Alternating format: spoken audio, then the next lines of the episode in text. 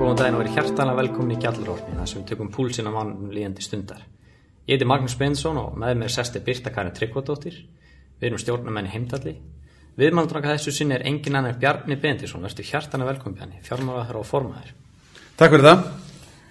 Herru, þú ert búin að vera á þingi svolítið lengi, ekki sem 2003. Það er rétt. 17 ár. Já, hver hefði trúið þessu maður að tíminn liði svona hratt. Þú ert ekkert ennþá komið leið á þessu.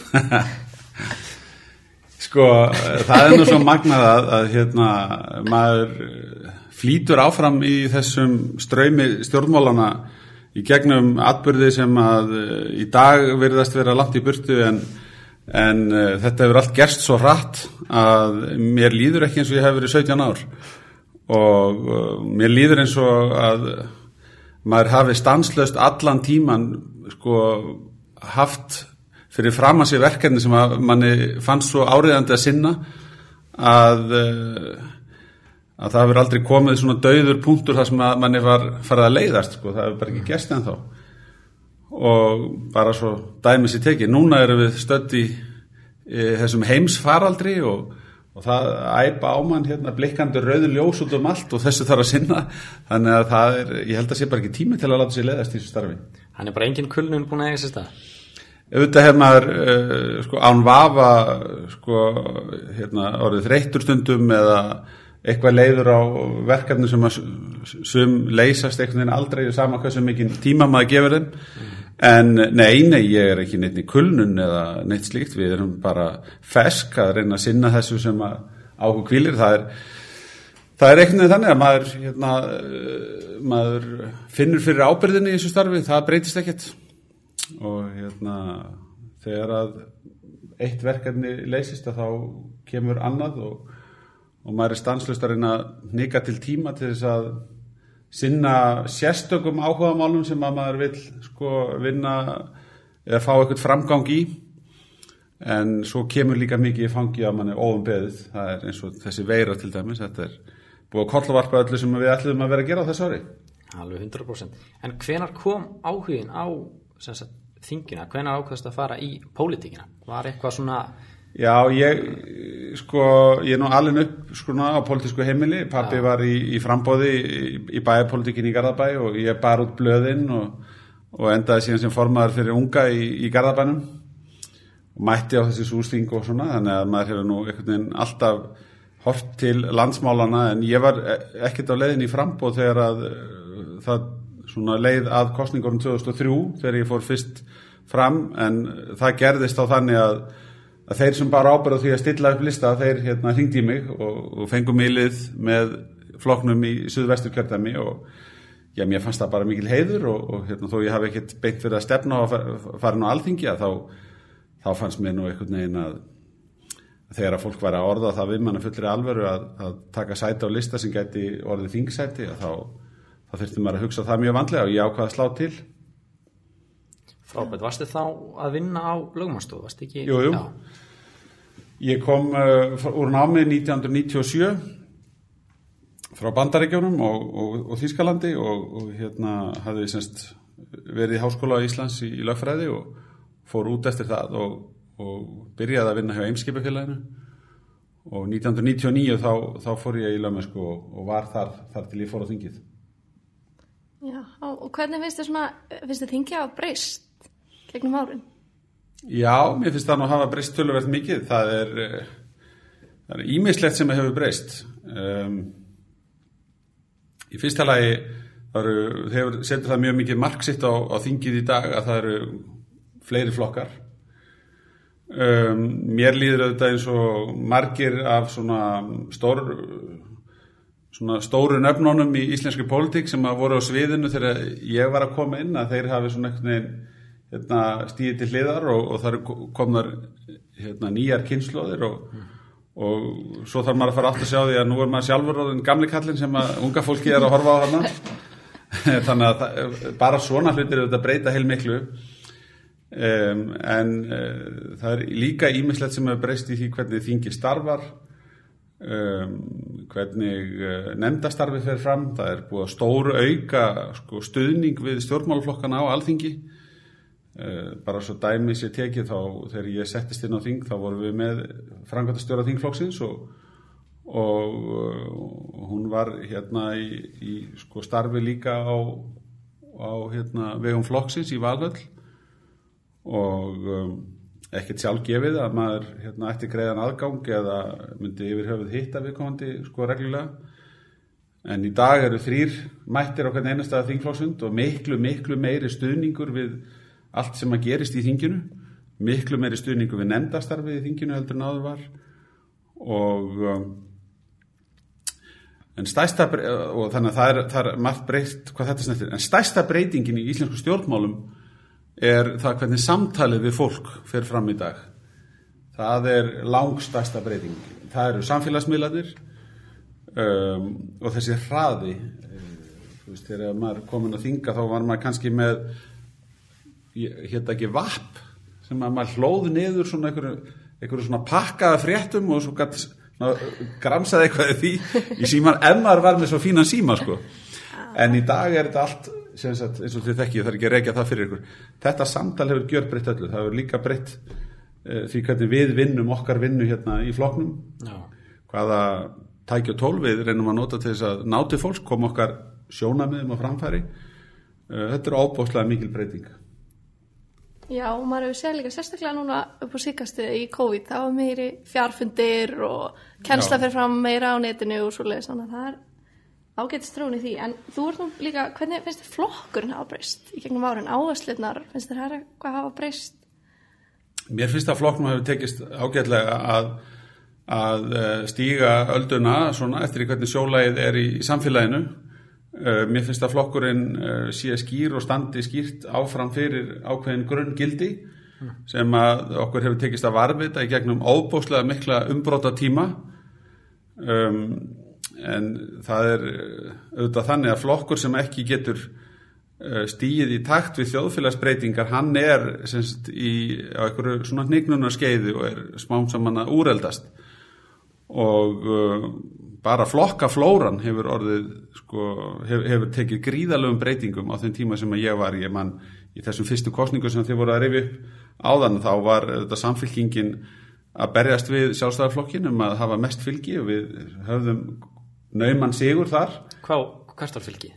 Sjálfstæðarflokkurinn í kostningunum 2003 uh, fekk uh, rétt rúmlega 33% fylgi ef ég mann rétt eða rétt um 33% á meðan samfélkingin var þarna rétt uh, um 30% ég heldur hafi ég man þetta nú ekki upp á komu en mér minnir að þeir hafi ekki náð 30% Nei. en uh, það var þó þannig til dæmis í Reykjavík að samfélkingin fekk í öðru kjörðamunu meira fylgi en sjálfstæðarflokkurinn sem var, sem var talsveit breyting. Þannig að það var stóri höfuð anstæðingur sjálfstæðarflokksins og, og samfélkingin á þeim tíma kynnti Ingi Börgur Solrunu til sögunar sem fósættisráð þar efni.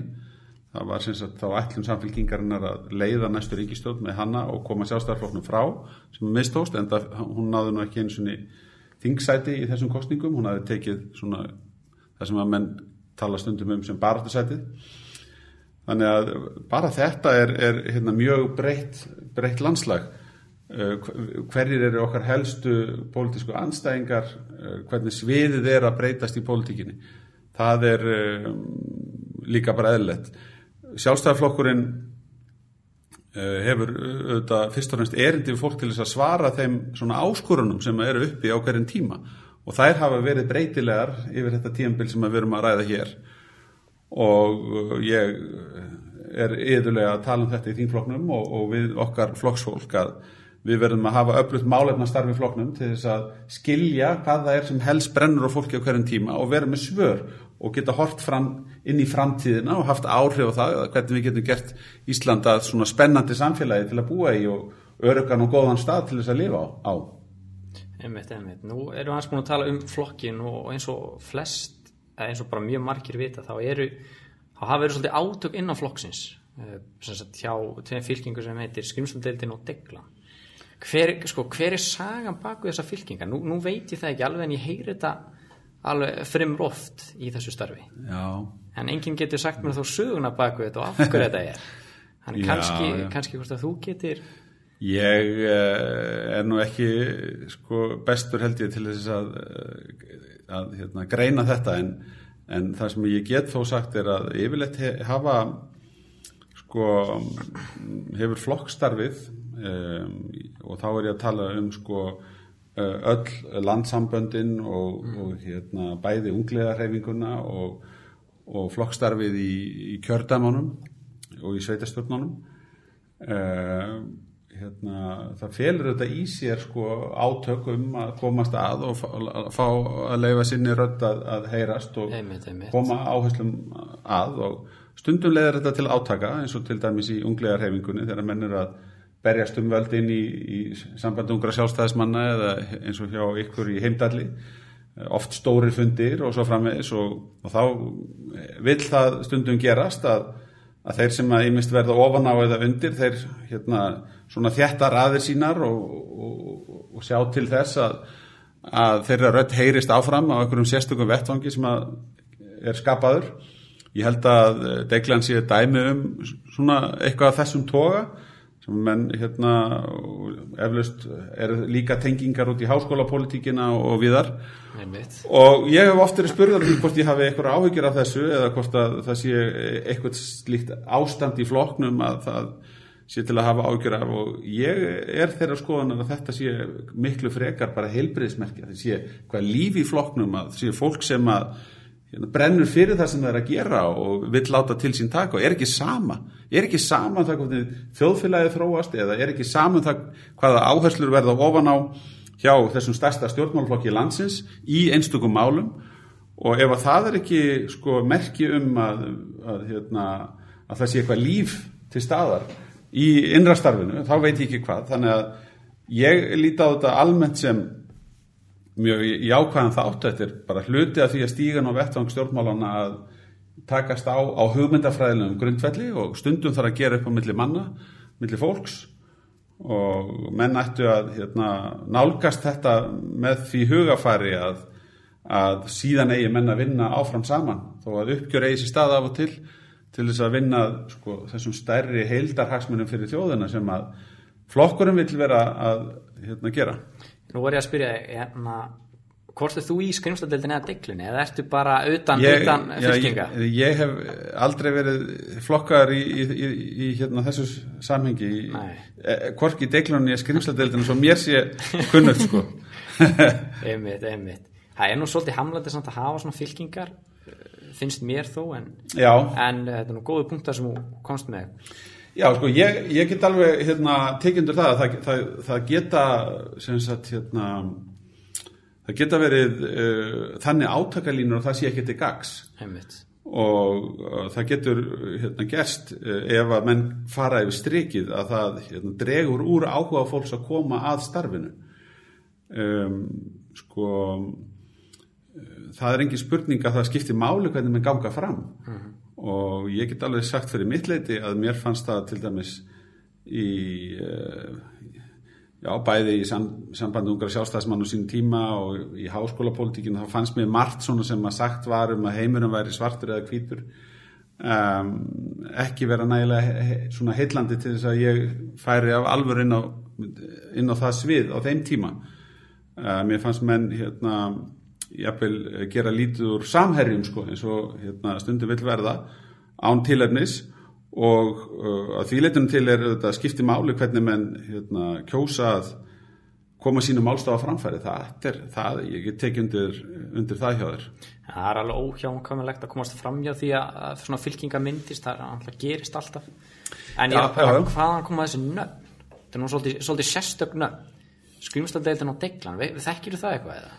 Nei, sko, ég get ekki gerst talsmaður deglunar hérna en, en það, er, það er svona fólk sem er kannski já, er ekki svona næsta kynslu eftir mér sem hefur haldið lífi í deglunni í mjög langa tíma og notaði það sem vefmiðl og hérna var mjög líflegur vettvangur fyrir um, skrif á, á vefnum og, og hefur verið svona félagskapur sem hefur haldið hópin um, um langt skeið. Það hefur verið svona mjög líflegir kaplar og kannski síðan svona farið minna fyrir þeim á, á öðrum köplum ég held að skrýmsladeldin sé allt annars konar fyrirbæri.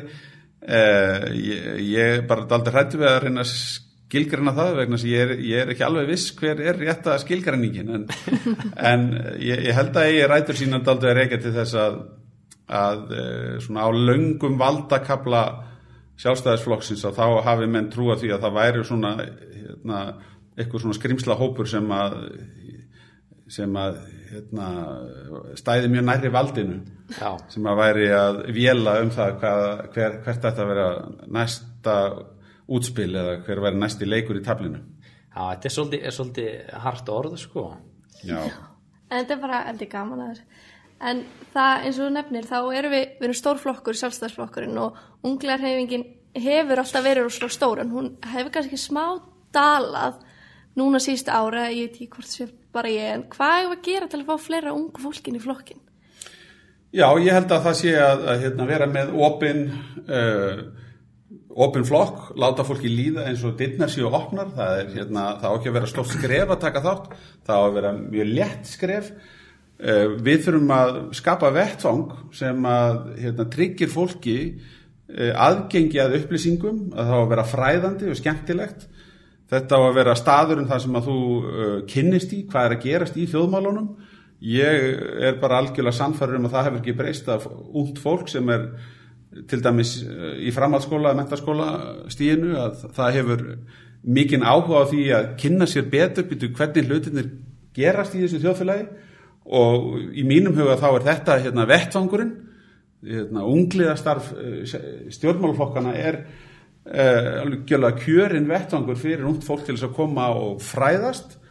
Og hérna, í okkar tilviki þá erum við með langa sögu af hérna, öflugu starfi og mikla reynslu. Uh, og eins og ég var að rekja hérna áðan fyrir flokkin hvernig hann þarf að stíga í takt við breytta tíma þá held ég að það gildi líka hjá sagt, unglega hreifingunni að hérna, við tökum okkur til gags alla þessa nýju tækni og, og, og, og hérna, nýtum hana til þess að vera í þessum samskiptum. Og það þarf einfallega bara að vera virkur og hérna opna augu fólks fyrir því að, að um, við erum uh, stjórnmálaafl sem að uh, vinnur hörðum höndum að því að gera landið okkar að betri stað til að búa og það er í raun og veru málið er ekki miklu flóknar að það hver vil ekki taka þátt í því Nei, það er alveg rétt. En ég er að pæla, voru allar unglega hreyfingarna hjá sjálfstofloknum í hérna á höfuborgsann, voru þær virkar í gamlanda? Það voru það mjög, já. Já, já, þær voru mikið virkari í gamlanda heldur en nú. Já, já, auðvitað, eins og oft vil verða sko, þá hérna svona uh, hleypur lífi í tuskurnar sko þegar að, þegar að hérna eru kostninga framundan eitthvað uppgjör, aðalfundir og svona. en ég verð að segja alveg svo er að, að hérna, það voru mjög sterkar tengingar inn í mentaskólana á, á þeim tíma og, og nánast hannig að 2003 þá, eða? Nei, ég er nú að tala um bara, já, já, já, ég er bara að tala um þegar ég var í mentaskóla, Já, já, já, sko, já, ég útskrifast 89 úr mentaskólanum Reykjavík. Já. En á þeim tíma þá sem sagt, hérna, þetta var vettvangur til þess að, að hérna, hitta jafnaldra sína sem að höfðu áhuga á þjóðfélagsumræðinni og uh, það voru hlutir sem að sko, uh, maður leit á sem uppbyggilega, ég meina ræðunámskeið, uh, svona fræðslufundir um einstaka þætti í uh, stjórnskipan okkar, hvort sem að varðar sko það að kaupa nei að hérna í stjórnskipaninni bara sem sagt uh, hlutverk uh, einstakra arma ríkisvaldsins allt sem gætt varðað varnamál yfir í sko það að stopna fjölskyld og kaupa íbúð. Menn þetta eru mál sem við vorum að taka dagskrá og und fólk hefur áhuga á að hérna kynnast ef það eru skemmtilegu fyrirlesari eða hvað sem það kann að vera. Uh, þannig fyrir mér var þetta svona staður til þess að ekki endilega sko í neinum skilningi vettvangurinn til þess að komast í frambóð eða komast í beintengsl við eitthvað hérna, stjórnmálamann heldur miklu frekar vettvangur til þess að taka út eitthvað þroska á og hérna, bæta sig sem einstakling og hérna, styrkja sig bara í, í svona undirbúningi fyrir lífið þannig horfði ég á þetta allavega þegar ég var í kringum 20 Ég held að við getum bæðið bara tekið þetta það. 100%, bara 100%. En núna nýlega var þessi svo kallega þingstubbur og þú varst með þarna eiginlega tvö svona stórmál. Það var annars vegar ríkisábyrð Æslandeir og svo fjáraukulögin og það var eiginlega svolítið fjáraukulögin snýri mjög mikið að Æslandeir. Um, ef þú getur bara svona útskýrt þetta því þú veist þetta er það verður að tala um ríkisábyrð og svolítið hvað falið inn í þessari ábyrð? Já, við eh, höfum verið í, í ákveðnum samtali við félagið frá því snemma í vor og, og ef maður reynir svona að hlaupa hratt yfir sögu þá gerist það hérna á vormánuðum að það er raun og verið bara lokað fyrir flugumferð uh, í heiminum. Uh, og þegar ég segi lokað fyrir flugumferð þá er ég að segja sko það er algjört uppnám í flugheiminum uh, og bara fá flug í gangi með það sem áður var. Ég ég man eftir deginu til dæmis þegar það kom bara tilkynning frá bandaríkjanum að það var í raun og veru bara búið að loka bandaríkjanum og við eftir það vorum með örf á flug sem að ríkið að hluta til tók þátt í að styðja. Um, ríkið var að halda úti hérna með samningum við Æsland er flugið til Boston, til Stockholms, til uh, London og svo framvegs Uh, þannig að þetta byrjar allt með því að það, það verður algjört uppnám í flugheiminum og fjöldin allur af ríkistjórnum þurfti að stíga inn til þess að halda uh, flugfélögum gangandi.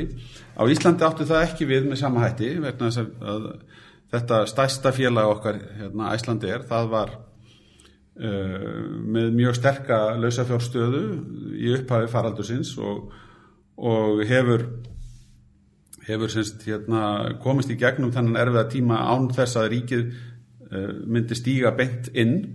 Hins vegar uh, var það ljóst að uh, eftir því sem að þessi faraldur byrjar að dragast á langin og, og alvarleiki málsins semst verður skýrari að félagið sá ekki fram á annað en að þurfa á einhvers konar aðkomur ríkisins að halda. Og auðvitað er hægt að segja hérna að það hefði verið valkostur í stöðunni í huga sumra allavega að, að segja bara verði það sem verða vill. Við hérna ætlum ekki að skipta okkur af þessum enga rekstri en í okkar huga þá er einfallega hérna um að ræða svo mikið sko grundvallar atriði sem að varðar semst, þessar flugsamgöngu til og frá þessari eigu að það hefði verið óábyrg afstæða og niðurstaðan eftir nokkura mánuða vinnu í þessu var svo að, að um, stilla því semst, þannig uppgakvart félaginu að, að félagi þyrti að þá að vinna að nýri áætlun fyrir komandi ár og félagi þyrti að uh, vera búið að tæma öll önnur úrræði sem að það mögulega hefði uh, í að semja við uh, kröfuhafa, svo dæmis í tekið, þá sem að hafa lána félaginu eða eiga eitthvað, kröfur á það. Og félagið þyrti að hafa látið reyna á það að sapna hlutafél og að því gefna félagið færi gegnum slíka fjárháslega vinnu við að skipulegja framtíðina að þá var það tillagan í þessum fjárháslega frumvarfi og semst, fór fyrir þingi og var samþygt þar að ríkið veitti ríkisábyrð á lánalínum sem eru hluti af þessari fjárháslega endur skipulagningu en það mun ekki reyna á uh, þessar lánalínur eða á ríkisábyrðina nema að fyrst hafi semst, klárast þetta hlutafjörútbóð sem að, sem að uh, á að klárast í þessari viku þar sem við sittum hérna.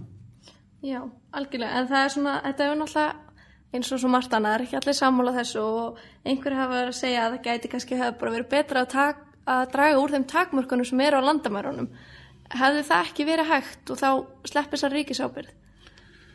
Já, það er uh, sagt, þá, þa þar eru menn þá að velta því fyrir sér sko hvort að það hefði ekki bara dögað eitt og sér að, að hafa landið opnara en uh, í því sambandi þá erum við að horfa fyrst og fremst á það að verja hér uh, bæði líf og heilsu fólks uh, innanlands og tryggja að við getum sem næst komið svona hagkerfinu og bara dagstaglegu lífi fólks aftur í eðlilegt horf. Og þar er í sjálf og sér ekki sko, það er, er raun og veru aldrei hægt að stilla þannig upp að við höfum valkosti um að, að hafa landamærin gal opin eh, án þess að það hafi með einhverjum hætti áhrif aftur á ferðarþjónstuna ég bara nefni sem dæmi þannig maður að reyna að skýra þetta aðeins betur að ef við missum algjör að stjórna og útbreyslu veirunar hér innanlands þá verður engin áhugi á því að koma til landsins. Þá er það bara algjörlega óraunhæft. Þá verðum við bara með hvert hótelu eftir öðru bara í lokun vegna hérna, smita sem eru þar að greinast. Svipað og gerðist á hótel Rángáðum daginn og uh, tómtmál að tala um að, að, að það út af fyrir sig sé það besta sem að ferðarþjónstan geti fengið frá stjórnvöldum. Ég held að sé miklu næra að, að gera sig grein fyrir því að að, að við þurfum fyrst, fyrst og síðast að horfa til svona bara dagstaglegs lífs fólks hérna á Íslandi.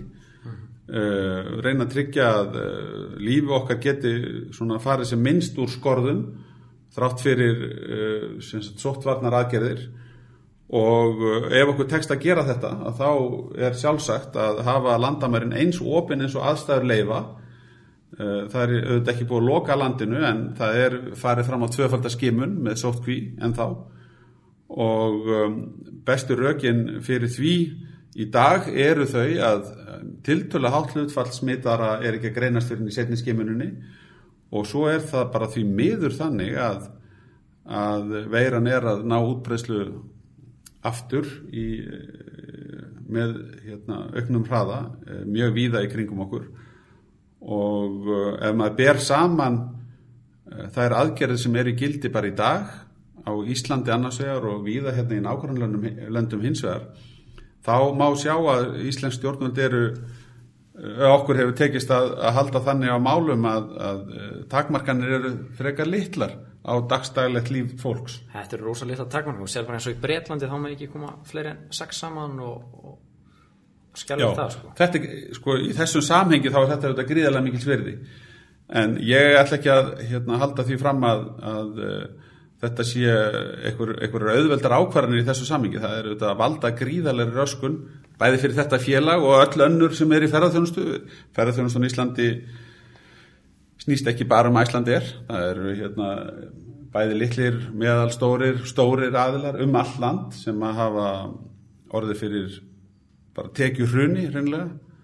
En Íslandi er hefur enga síður verið leikil fyrirtæki og hefur verið byggja upp þetta leiðakerfi sem að margt annað hefur byggst á Nú hafa margi verið líka velta fyrir, þessu, velta fyrir sér hvort að, hérna, hvort að þingmann sé að fá okkur að vildapunkta frá Æslandir Nú spyr ég bara, er það að fá okkur að vildapunkta frá Æslandir? Nei, við erum ekki að fá uh, vildapunkta sagt, í útbóði ríkisins þá var uh, gengið út frá því að hérna að ferðir sem eru keiftar á vegum ríkisins að það ætti ekki að fylgja vildarpuntar uh -huh. Og uh, ég uh, bara geng út frá því að það sé hérna, þeim skilmálum sé fyllt um, en að öðru leiti þá þá hérna er mér bara ekki alveg nákvæmlega kunnugt um það hvort að það er einhver undanbröð eða einhver eitthvað frávik frá þessu. En þetta voru skilmálandi sem við settum í síðust útbóð hjá okkur. Við vorum að bjóða í til dæmis bara utdanlinsferði fyrir stjórnaráð fyrir alla óbera starfsmenn sem eru að fara við um ráðuneyta og annara stofnana. Að þá var þetta hluta skilmálunum. En það hefði annað sagt, hérna, valdið uh, ósangjadri samkeppni. Svo er uh, það auðvitað líka þannig í skattalögunum að menn ætti þá að gefa það upp og, og var hérna hafa komið fram ábendingar um það frá ríkiskattstjóra þannig að það er engin svona ókeppis fríðindi sem eiga fylgja því að vera óper starfsmæður og, og fljúa til útlanda bara akkurat sko. Um, Þú nefndir hann eins og leiðakerfi er ekki innifali í frumvarpinu að uh, ef þetta gengur ekki upp á þá eignist ríkið eða þú fær leiðakerfið og, og hérna hvað er þetta svona réttindin til Já. að lenda? Já, þannig er þetta að vísa til þess að, að svona sem tryggingu fyrir uh, þessari ríkisábyrð að þá hafa verið sett veð. Og það er rétt að það eru hérna lendingaleifi sem að eru meðal annars að veði og, og eins líka sagt hérna lén fyrirtækisins sem þetta mjög mikilvæg líka um, Sumir segja að uh, þessi, þessi veð séu ekki fullnægindi með að við uh, fjárhæði ríkisábærðarinnar. Ég held að menn verða að gera sér grein fyrir því að, að hérna, það er ekki við því að búast í sjálfu sér að fyrirtæki sem þarf að leita semst, til ríkisins með stuðning að það sitji á sama tíma á mjög verðmættum veðum sem að séu öll hérna, bara á lausu. Og, uh, og hérna þess vegna nöðsynlegt að, að, að líta bara þannig á að þarna sé verið að reyna að takmarka áhættuna eins og allt annað sem við höfum verið að gera í þessu að það sé þá uh, veð til staðar eh, og þó að, þó að menn verða að horfa stjögu við að það sé ekkit örugt með það að þau standi að fylli að, öllu leiti undir hérna, þeim fjárhæðum sem eru undir í málunu. Kemur þá kannski til greina ef allt fyrir að versta vega að ríkistofni flugfélag og nýti þessi réttindi og þessi veð? Já, mér finnst nú mjög ótíðanbært að ræða um það. Það sem að kannski sko, stendur upp úr í þessu er að ef að á reynir að þá hefur uh, ríkið sem uh, bæði eigandi þessum veðum og uh, og almennt bara sem kröfuhafi stöðu til þess að hafa áhrif á framgang mála. En á þeim tímapunktum sem við setjum hérna núna þá semst er næsti leikur er að sjá hvernig hlutafjárútbóðið endar og, og ég verð að segja að maður þetta, vonast til þess að það gangi vel hjá fyrirtækinu. Og ef það gengur ekki upp þá verður að taka á þeirri stöðu og alveg ótíðanbært að velta því fyrir sig hvað gerist ef það klárast og svo áallinni gangi ekki eftir og ríki þarf að hérna, setja sig við að, að hérna, lánalínan verði ekki endugreitt þannig að það verði kallað á ríkisábyrjuna og við að nota veðin. Þetta er bara, þetta er omarki leikir í þessari skák inn í framtíðana til þess að úttala sig um það hvernig maður myndi spila með þá stöðu. Kemur bara eitthvað í ljós síðar. Já, já, ég menna við höfum bara undirbúið þetta mál vel og uh, næst er þetta útbóð það stendur yfir á að klárast í vikunni. Við skulum sjá hvernig það allt saman spilast. Og svo heldur lífið áfram. Ég bara vonast þess að að veiran sem er að valda þessu fari smám saman að láta undan og hlutinni komist sem fyrst í eðlert horf. Vegna þess að það sem að er að gerast í hagkerfin hjá okkur er að við erum að tapa hérna mörgum störfum. Og það hverfur hér mikið landsframlisla og við eigum allt undir því að endur heimta hana koma fólki aftur til vinnu og auka umsöfin upp á nýtt. Ella eigum við ekki fyrir allir þjónustun sem við viljum halda úti hérna. Algjörlega, en þessar áætlanir gætu þær haft kannski lamandi áhrif á stofnu nýsflugfélags eins og við hefum heyrst af því að play gæti verið að koma marka eða kannski eitthvað annað ekki play og gæltrúti Nú, ó. Já, það kom fram eitthvað beðinu um það. Já, já. ég, slum, ég, ég veit ekki hvernig úr því spilast Nei, en, en hérna, það verður þá bara það, það hefur hérna, bara sinn gang. Um, Já, ég get bara sagt semst að ég skil það alveg að um, að menn spyrja sig hvort að markarinn ekki bara vil leysa þetta og ef að ríkið er að blanda sér inn í málefni hjá einum aðila, hvort að það halli þá ekki á aðra, þetta skil ég mjög vel. En það er en, engöngu vegna þess hversu alvarleg staðan er og hversu miklu það varðar að, að hér sé til staðar öflugt félag þegar að þessu ástandi líkur þar sem að við erum að reyna að vernda sko, þekkinguna, reynsluna sem er inn í félaginu. Þannig að mannöð sem að þarna er og þekkir til hvernig ná að reyka stórt alþjóðlegt flugfélag á Íslandi.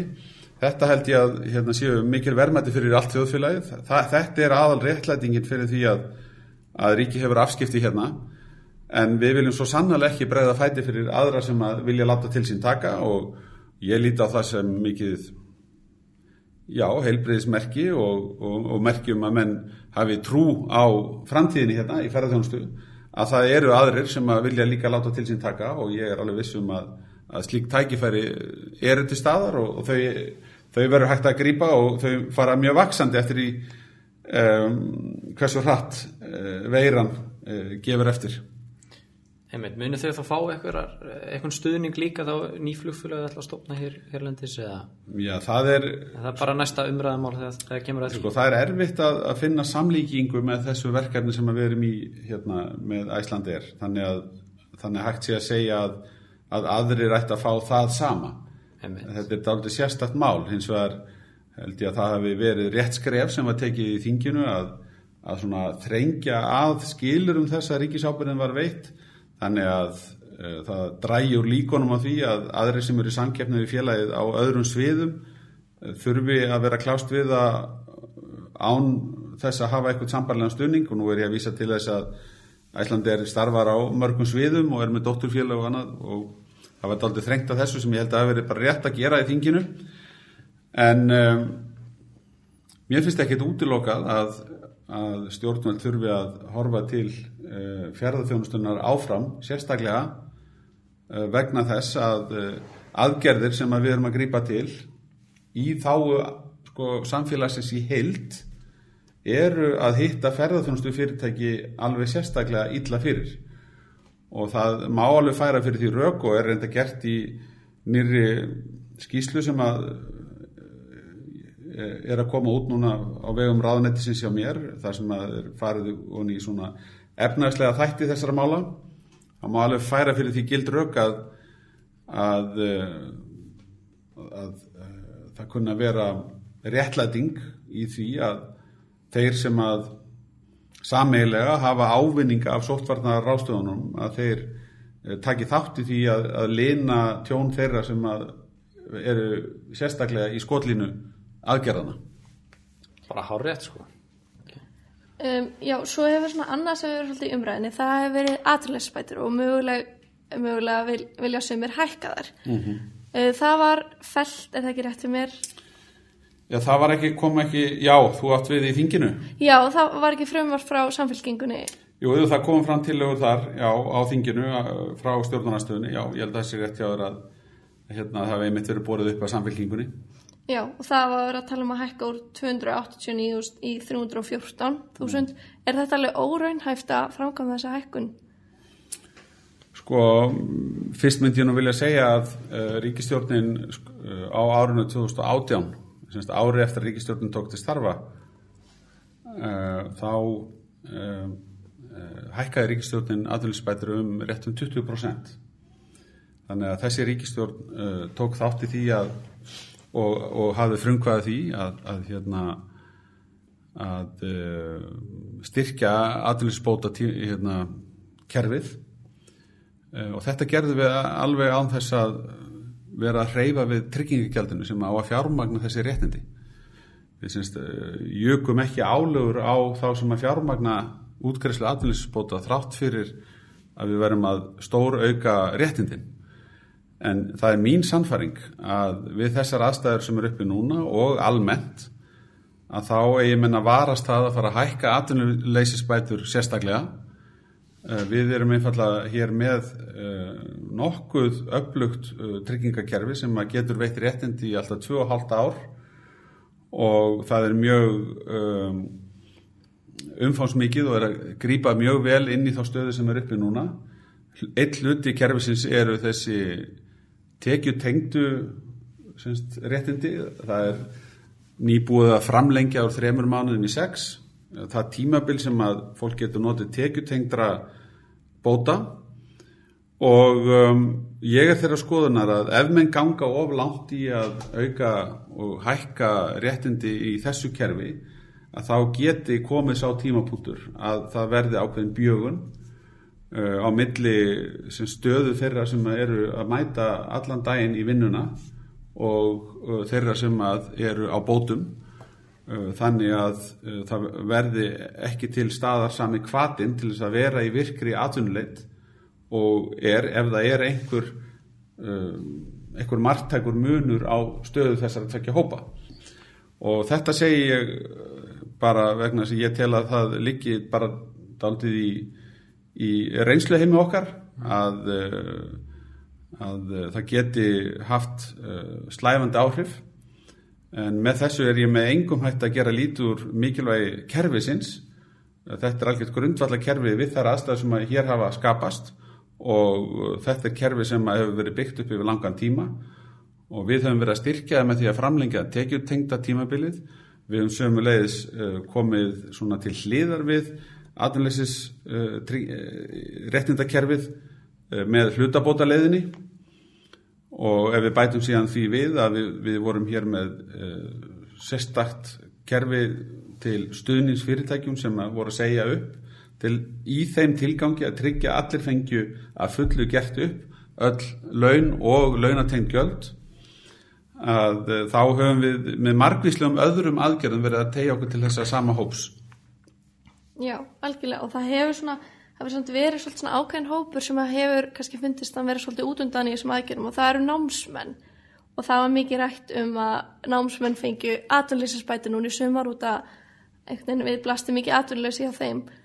Það var ekkert sem kom heldur til greina að, að gefa stúdendum atvinnleysisbætur Nei, eins og ég segi, sko, atvinnleysisbóta kerfið er, uh, er kerfið sem er byggt upp sem uh, réttindakerfi, uh, þetta eru tryggingaréttindi og eins og oft er með tryggingar að þá er greitt eitthvað yðgjald og uh, þeir sem eru að greiða yðgjaldið eru þeir sem eru að borga tryggingagjald, þeir greiða yðgjald, tryggingagjaldið er að hluta til beintengt atvinnleysist tryggingum, atvinntryggingagjaldið er hluti af tryggingagjaldinu og uh, það skýtur daldur skökku við að þeir sem að hafa ekki verið að greiða neitt yðgjald að þeir gerir tilkall til þess að fá út úr tryggingunni. Það bara einfallega gengur ekki alveg upp í mínum huga. Við hefum eins og vegar verið með önnur úræði fyrir námsmenn til, til dæmis að að uh, tryggja fyrirtæki leiti til námsmanna með störf og við höfum tekið þátt í að hérna, stýðja fyrirtækin í að að greiða launakostnað vegna þeirra sem eru sótið beint í skólana og eru kannski komið langt í námi. Og ég held að við hefum alveg heil mikið af góðum dæmum um að það hefði hefnast vel, ég hafa miskosti hitt mörg fyrirtæki sem hafa sérst, hérna, tekið þátt í þessu samstarfi við skólana. Og síðan fórum við þetta bara í beinar fjárveitingar inn í sumarið til sveitafélaga og hvertum þau til þess að ráða til sín fólk. Og flestir sem að sóttu um hjá sveitafélagunum fengu vinnu, það var að miskosti mjög hátt hlutfall. Þannig að yfir sumarmánuðina þá vildum við frekar um, tegja okkur eftir úrræðum sem að kemur fólki til virkni, námsmönnum til virkni. Ég, ég veist ekki um það að margir höfðu vilja að fá vinnu við eitthvað annað eða sko með einhverjum öðrum hætti uh, hérna njóta góðs af ofnbjörnum aðgerðum. En uh, til viðbóta við þetta þá vorum við líka að halda skólanum opnum og gerðum nefndum kleift að fá framvönd í námi sko yfir sumarið. Þannig að mér fannst við gera mjög vel svona þegar alla, alla hliðar málsins er litið uh, vegna þess sterka ákall sem kom frá stúdendarhefingunni og námsmennum almennt uh, í sumar. En eins og nú eru flestir stúdendar í hlutastarfi yfir veturn og svo margir hverju í 100% starfi. Er það ekki neitt prósent af þeim pening sem fer í aðunlu tryggingarsjóðin? Jú, það er, það er hérna, ef menn eru að vinna sem launamenn þá er verið að greiða fyrir það og þannig að það getur byggst upp ef menn eru ákveðin lámastíma þá getur menn hérna, hafa áunnið sér réttindi í kerfinu. En þarna kemur inn á hlut sem að augljóslega er erfiður þegar atvinnleysi fer upp. Það er að segja að hérna, margir námsmenn hafa geta til dæmis unnið á veitingastöðum eða þess áttar í hlutastarfi og svo rýður yfir þetta ástand hérna og, og staðinni loka og ferðamenninni fara og störfin er ekki lengur til staðar þannig að ég skil það mjög vel að það verður erfiðara hjá námsmönnum eins og mörgum öðrum sem að sjá ekki fram á sama starfsöryggið að, að framfleita sér við þessar aðstæður. Og þess vegna er það sem við erum að leggja áherslu á og ég er alltaf að tala um í, í samingi við þessa stöðu sem er komin upp að okkar aðal áherslu á að vera endurheimta störfin sem allra fyrst þannig að fólk geti hjálpa sér sjálft. Það er svona eitt af þessum gamalgrónu slagurðum sjálfstæðisfólksins að hjálpa fólki til sjálfsjálpar það er ofta eina sem fólk byður um að stjórnvöld sé ekki að þvælast fyrir og, og bara byður um að fá að bjarga sér sjálft. Þa, og það gerum við í þessu með því að reyna örfa sköpun nýra starfa. Já, ég held að það sé bara mjög gott uh, móttu en hefði ekki verið hægt að gera eitthvað sjóð sérstaklega fyrir námsmenn eða eitthvað svolítið sem hef, þeir hefði getað sótt í? Já, nú er það já, ég átta mikið alveg á hvort þú átt við að, að, að hérna, þeir getur þá fengið beinan styrk eða viðbótar lán eða þess að þar við höfum beitt lánasjónum sem að hérna, hefur núna fengið nýtt heiti uh, í þeim tilgangi að gera nefndum kleift að hérna, stundan ámið yfir uh, suma tíman og uh, það er sömulegis búið að uh, hérna, setja alla þessa fjármunni í að, að skapa störf sem að námsmenn nutu uh, góðs af.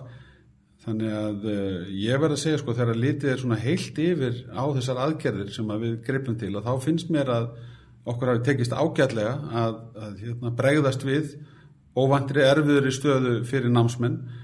En ég ætla ekki að uh, skella sko, sko skotlæðirum við góðum ábendingum áfram, ég meina það er bara meirinn sjálfsagt ef það koma góðar hugmyndir um það hvernig við getum hjálpað uh, ungu fólki áfram að hérna, ljúka námi sínu við þessar breyttu aðstæður og þá, þá ber okkur skilda til þess að hlusta á það og, og hérna, það, það bara getur, get, getur bara meir en vel verið að við þurfum að aðlaga okkar aðgerðir eða, eða hérna, um, mæta, mæta breyttir stöðu í vetur.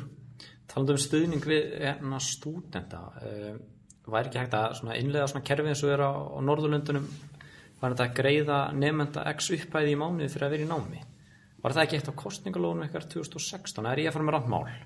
Já, ég held að það sé bara alveg hægt að segja að uh, svona rótin að þeirri miklu breytingu sem hefur orðið á þessum námslánamálum uh, á undarföldum árum og núna með nýlega samþjóttu frumvarfi í því efni uh, liggur einmitt í vinnu sem var sett á stað þegar að uh, við vorum uh, í mentamálarannundinu sjálfstæðslokkurinn og með ráðfæra þar sem sagt og um, ég lít þannig á að, að, að með því að við erum að taka upp þessa reglu að námsmenn geti fengið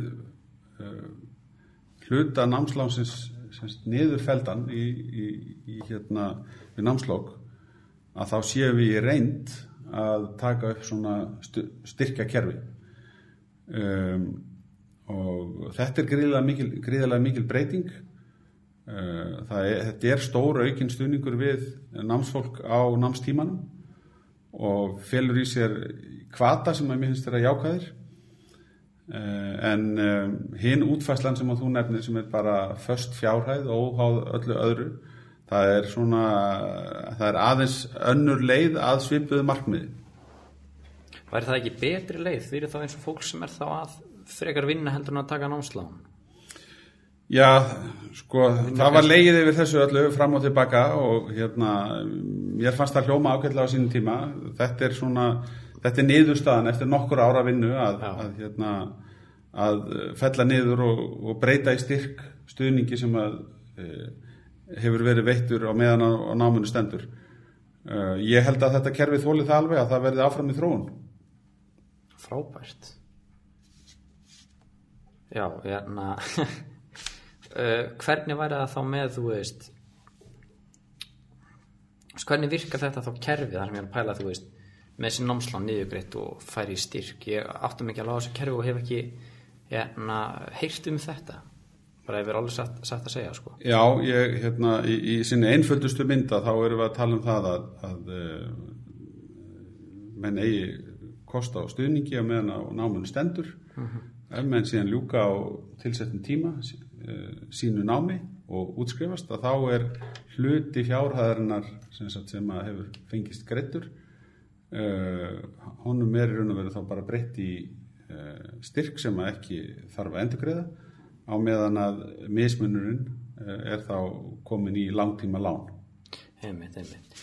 Nú er svolítið hot take sem við ætlum að taka og það er listamannalaun. Þetta er svona svolítið umræða sem já hvað deyr aldrei út þetta er já, það sem brennir á svolítið mörgum sko eh, fyrir þessu ári, ári lagði Ágúst Ólafur þingmaða samfélgina fram, eh, rauninni var þetta ekki til það sem að lagði fram á þingi að tífalda eh, listamannlunni er rauninni fjölda þeirra sem mm. geta fengið listamannlunni þess að mm. úr 325 upp í 3500 manns og þá færi þar leðandi kostnæðarinn upp í 6,5 miljardar versus 625 miljónir mm. Þetta er nú ekki hár útgjaldaliður þessar 625 miljónir en þetta er svolítið prinsip hjá mörgum. Eh, nú er ég að spyrja, hver, hver eru þína skoðanir á listamannleinum og hvað, þú veist, já. Já, ég, mena, ég held að þetta sé mjög sérstakt kerfi. Tilur þetta að vera grundfjöldur fyrir menningar starfi hérlendis? Ég held að sé oflant gengi að segja að það sé sjálfur grundfjöldurinn en það er vafa lítið þannig að uh, með því að hafa stuðniskerfi af einhverju tegund að þá uh, eru margi sem geta helga sér listinni sem ella þyrtu að framflita sér sko með einhverju annari vinnu.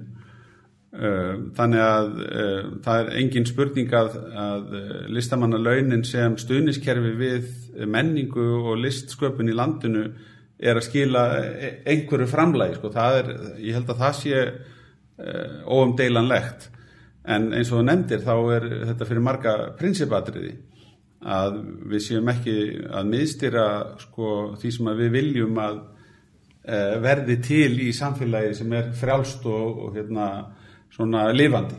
Þá getum við nú líka svo sem nefnt sko marga styrki sem fara til bara á stóra fyrirtækja og álika þá nýsköpun og í sjárútegnum og eitthvað svoleiðis. Já, já.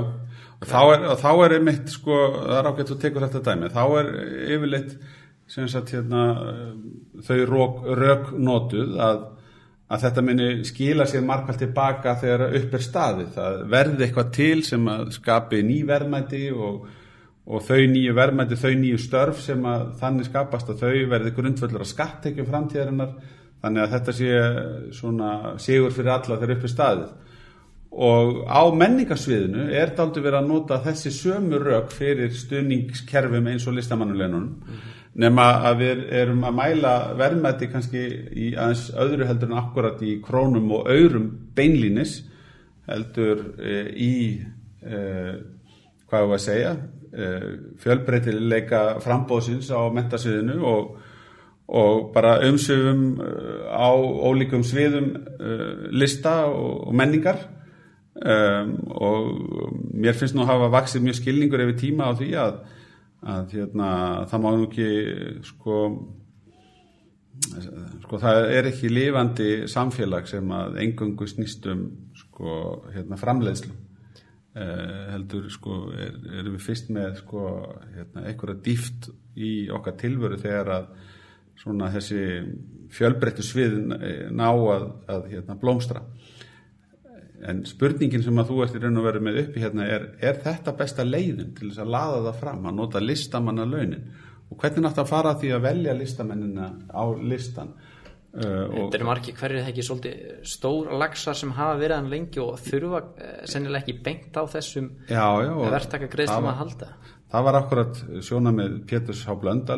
Blöndal þingmann heitins hérna, sem að lengi uh, gerði listamannulaunin að umtalsefni og sagði að hérna, það væri einmitt verið að láta þá á listamannulaun sem að síst þyrst á því að halda. Og þetta ætti þá miklu frekar eh, einmitt að vera þá kannski bara eins og einn króna eða eitthvað svona og bara fyrir að undistrykka þetta að væri svona virðingarstað að það var komist á listan um, en uh, ég hef nú ekki verið að greiða atkvæði gegn listamannalaunum ég haf vel þótt að hérna, það hafi vaksið töluvert fjárhæðnar á tímum þar sem við vorum eh, með markmiðum að ná Eh, betur jöfnuði í ríkisfjármálunum og þurftum að horfa eftir hverri krónu mjög vandlega eh, þá gerði ég það ekki vegna þess að eh, ég held að þetta sé orðin svo snar þáttur og ríkur svona þáttur í stuðnískerfinu sem við erum bara með við menning og listir á Íslandi að það þyrtti þá eitthvað annað komið staðin og ég hef ekki alveg séð í, í hendi mér nákvæmlega hvað það ætti að vera. Eh, en eh, ég er hins vegar alfarið hérna, ansnúin öllum hugmyndum um að fara að tífalda kerfið eða eitthvað slik, ég held að það sé algjörlega út í högt Það er vissulega galið þá, þá hérna, væri við með nú fremur marga á lista sko. en ég er alltaf fyrir mér gætur, gætur að þessir uh, listamenn ekki greitt tilbaka styrkina þegar verða svo já, einhverju stór lagsar og fara eftir eitthvað fjárhæðir? Það er bara góð spurning. Eh, þannig þurfum við einmitt að fara á henni svona, sko, hvað við segja? Eh, þá hugsun sem er að baki eh, listamannalaununum. Það, það, það getur vel verið að það sjá þetta hver með sínum augum en, en ég held að þarna sé meðal annars verið að, að breyðast við því að, að tekið öflunin jafnvel hjá þeim sem eru hérna, með langan feril að baki getur verið mjög sveiflukjent að þetta sé svona eins og eitthvað ákveðin grunnur sem er þá alltaf til staðar í hérna, innkominni. Eh, ég nefndi á þann að hérna, þetta gæfi mönnum tækifæri til þess að eh, helga sig í listinni og í auknum mæli og þá hérna, myndi allt samfélagi njóta góðs að því einhverjum mæli en auðvitað væri langt best ef við þyrtum ekkert að vera með kerfi af þessum tóa heldur væri það bara sérst, hérna, Bara framboðun og eftirspurn já, væri, að vinna. auðvitað væri það lang heilbriðast og, og eðlilegast að, að e, fólkið í landinu hérna, ráðstafaði af sínu sjálfsafla fyrir því til þessa málaflokk sem að það vil gera og það myndi duga til þess að halda úti fjölbreyttu svona dýnamísku menningar og listalífi en okkur hefur ekki tekist að komast ángað og hérna, sumir vilja meina að, að sjálf stuðningskerfin séu hérna, rót vandans.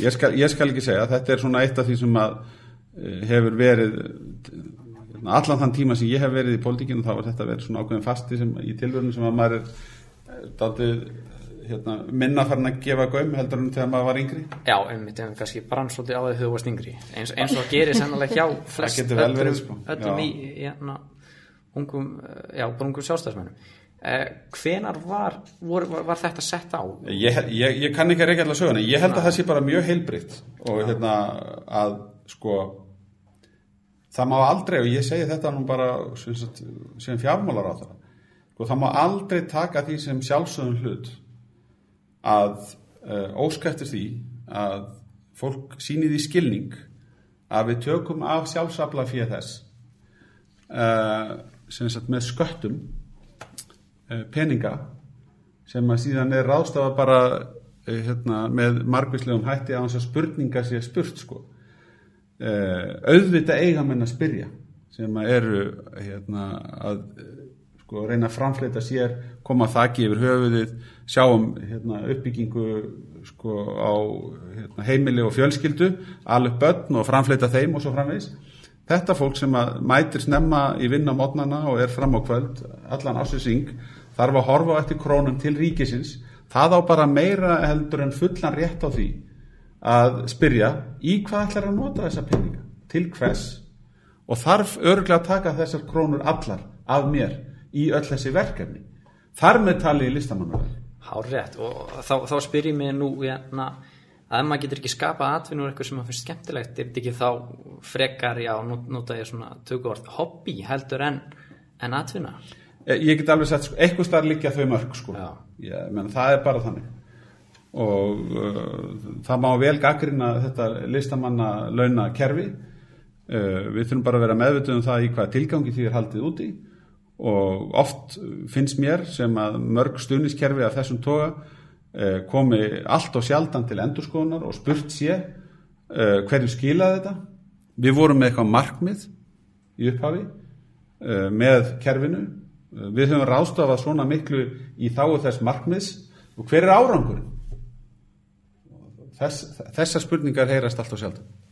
Algjörlega og svo kannski vaknar svolítið svona upp svo spurning allan hjá mér er hvernig er ríki að skilgreina, veist, hvað er þessi mörg líka, hvenær er þetta orðin listamær, hvenær er þetta áhugamál, þú veist, hvað er list og svoleiðis? Að, Já. að það sé hlut ríkisins að vera að skilgreina það maður svona velti fyrir sig hvernig þetta mat fer fram. Margir vilja meina að þurfi bara að þekka eitthvað sem eh, sjáum að útluta þessu en það er bara eitthvað sem maður hefur heyrt svo sem.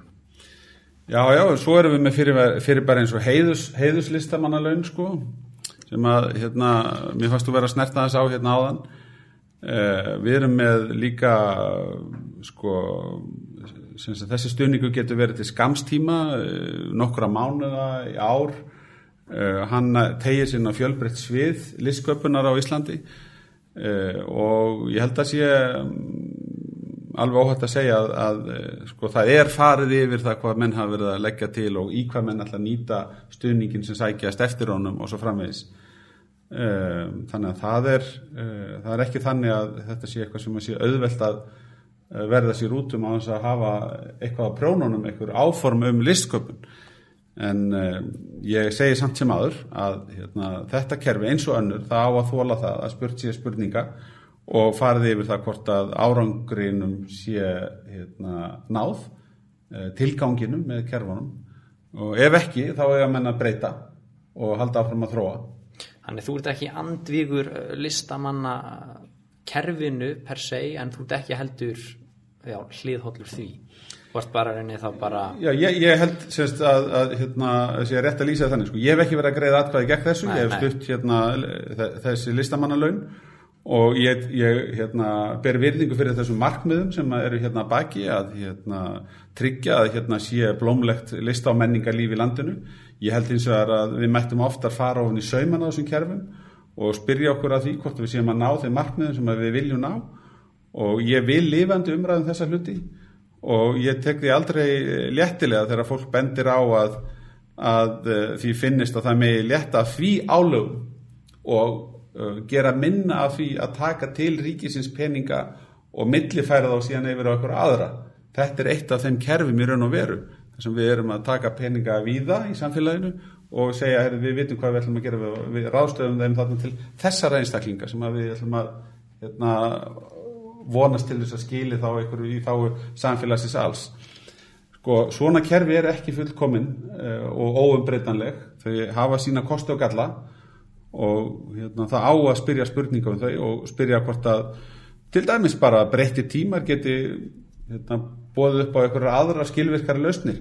Eitt af því sem ég beitti mig fyrir á þessu kjörtímanbili var að, að skatleggja listsköpunina með öðrum hætti, að færa þetta í fjármastekjur og líta á hugverkið sem, sagt, sem uh, uh, skattandlag sem ætti heima í fjármakstekju skattinum uh, en ekki sem hreinan tekju skatt og uh, ég vonast til þess að það styðji við uh, kraftmikla listsköpun í framtíðinni og verði svona heila skrefi skattalega tilliti, þetta er aldrei frumkvöla starf sem við unnum með þessu. Þetta er uh, það er ekki víða sem að hérna, menn hafa verið að stíga þetta skref og ég heldur reyndar hérna í Evrópu séum við fyrst til þess að gera það. Þannig að við höfum verið að, að reyna að beita okkur í þáu öflugs menningarlífs og listalífs og, og ég held að það séu mikil samfélagslega verðmætti í kraftmiklu slíku lífi. Sæður að við séum eina, eina samfélagið á í Evrópu sem Já, erum ég, svona ég, listamanna ég þekki ekki önnu dæmi um það að menn hafi tekið sem sagt, Nei, þegar þú segir það, þá þekki ég það ekki heldur sko. Nei, er það alveg- sést höfundur réttar greislur Já, uh, voru færðar yfir í, í fjármastekskattin og uh, ég hérna, hygg að það sé hvergi annars staðar uh, gert hannig það kunna hins vegar að vera ýmsar ólíkar útfæslur á því nákvæmlega hvernig það er skattlagt með mögulega einhverjum undanþáum og frítekjumörkum og einhverju slíku, ég hef ekki skoðað það í saumin eða onni í saumana. En, en hérna hagsmunarsamtök uh, uh, til dæmis uh, hérna, tónlistarmanna hafa mjög fagnað þessu skrefu og, og hafa talað um það að, að við eigum möguleik á því að verða svona eins konar heimahöfn þeirra sem eru að byggja framtíð sína á, á höfundaréttagreislum. Já, algjörlega. Þetta er svona búið að vera heldur óveinilegur þing, þingvetur og, og sennilega mjög óveinilegur þingvetur framöndan líka. Um, það kom fram í fjáraukalögunum að þú munt koma til með að kynna önnur fjáraukalög, ef það ekki rétt hjá mér, í vetur. Það, voru þau fimm talsins, það er svolítið, þetta, er- er, þetta eru skrýtni tímar Já, það lýsir miklu sko, það lýsir því hversu ótrúlegt ár þetta hefur verið. Uh, en ég er líka á sinn hátt ánæður með það að, að við förum til þingsins og, og við tökum þetta samtal og við leitum heimilda í hverju einu skrefi. Uh, ég er alltaf fyrir það að, að hérna að um, sem sagt, menn um, komi til þingsins með tillögur eh, leiti heimilda og gera það frekar oftar heldur en sjaldnar. Eh, í þessu tilviki erum við reyndar að fjallum algjörlega einstakar uh, aðstæður en þetta getur átt við í, í, í mörgu öðru samhengi lí, til dæmis varðandi varðandi það þegar að, að forsendu fjármál áallunar hafa verið að bregðast okkur þá hérna þurftum við að taka upp já við erum búin að taka fjármála stefnuna sjálfa upp í tvígang á þessu kjörtíðanbili og það er svona skrifað inn í lögin að ef, ef að allt er komið sem sagt úr skorðum að þá þurfum við þetta samtala eiga sér stað sem er jákvæmt Já, algjörlega. Og þú ert að gefa kost á þér í formannsstarfi hérna í flokknum á, ný.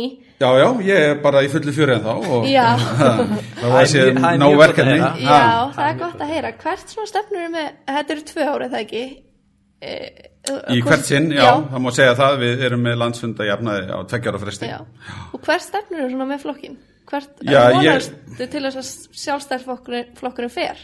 Já, ég vonast til þess að við hérna, komum sterkinn í næstu kostningar og við þurfum að hérna, svona slípa vel til uh, okkar skilabóð til þjóðarinnar í aðranda þeirra með kraftmiklu málefnastarfi í, í öllum nefndum og vonandi sko, mjög flottum landsfundi í, í, hérna, aðranda kostninga. Uh, við höfum nú stemt á því að halda hann núna í november og það svona, er dálitið í uppnámi út af sóttvarnarástöðunum. Engin endalega ákvörðun verið tekinn varandi það hvernig við bregðumst við en við munum vantilega þurfa að gera það. En ég stefni bara þangað með flokkin að við siglum inn í kostningar sko, með mikið sjálfströst og, og sigur vissu uh, til þess að bæta við okkur í stuðningi. Uh, við eigum erindi til landsmanna allra á öllum aldri um all land og við höfum sín til framtíðar sem að snýst um að viðhalda þeirri góðu stöðu okkar Íslendinga að bjóða upp á einn bestu lífskjör í heimi og til þess að geta gert það áfram og sótt fram ennum sinn að þá, þá þarf að taka nokkra líkil ákvarðanir. Við getum ekki leift okkur um ókomna framtíð að, að byggja lífskjörin bara á lána, lána, lánum, lántökum og skuldsetningu eins og við þurfum að gera núna tímabundið. Heldur verður að ljúka því tímabili sem fyrst og það gerist ekki nema að við sækjum fram og leysum úr læðingi krafta sem að liggja hjá fólkinu landinu út um allt. Það eru ungu kynsluðunar en það eru líka reynsluboltar hérna út um allt samfélag sem er stöðut að benda á tækifæri til þess að skapa eitthvað nýtt og, og sækja fram og þessu fólki öllu hefur við að hjálpa. Og ef það mistekst þá er í mínum huga alveg, alveg augljóst sem sagt að ef okkur mistekst að, að koma haugvöxtunum aftur í gang þá erum við ekki að skapa þau störf sem þarf til þess að halda út þessari þjónustu og þá bara býður okkur ekkit annað heldur en að fara í mjög harkalegar aðhalsaðgerðir og það er ekki framtíðasín sem að ég hérna, vil fyrir þá sem að búa hér í dag og, og hérna, framtíða kynnslóðir þess vegna segja að það er gríðilega mikið undir og hérna, uh, þetta er okkar verkefni á, á komandi missurum Já Herru, ég held að við bara, viljum bara takka að kella fyrir komuna. Takk hjá lagani. Uh, Já, ég ætla, það er gaman að vera með ykkur ég ætla að fá nýta tækifæri við í heimdallæri með málfund núna á miðvikudaginn og viljum bara auglýsa hann og hann er klukkan var ekki hálf átta í Rivalhöll ef að fólk hefur áhuga á að mæta og læra um varnamál og svo leis. Læsilegt. Takk fyrir okkur. Takk fyrir komuna. Takk, takk.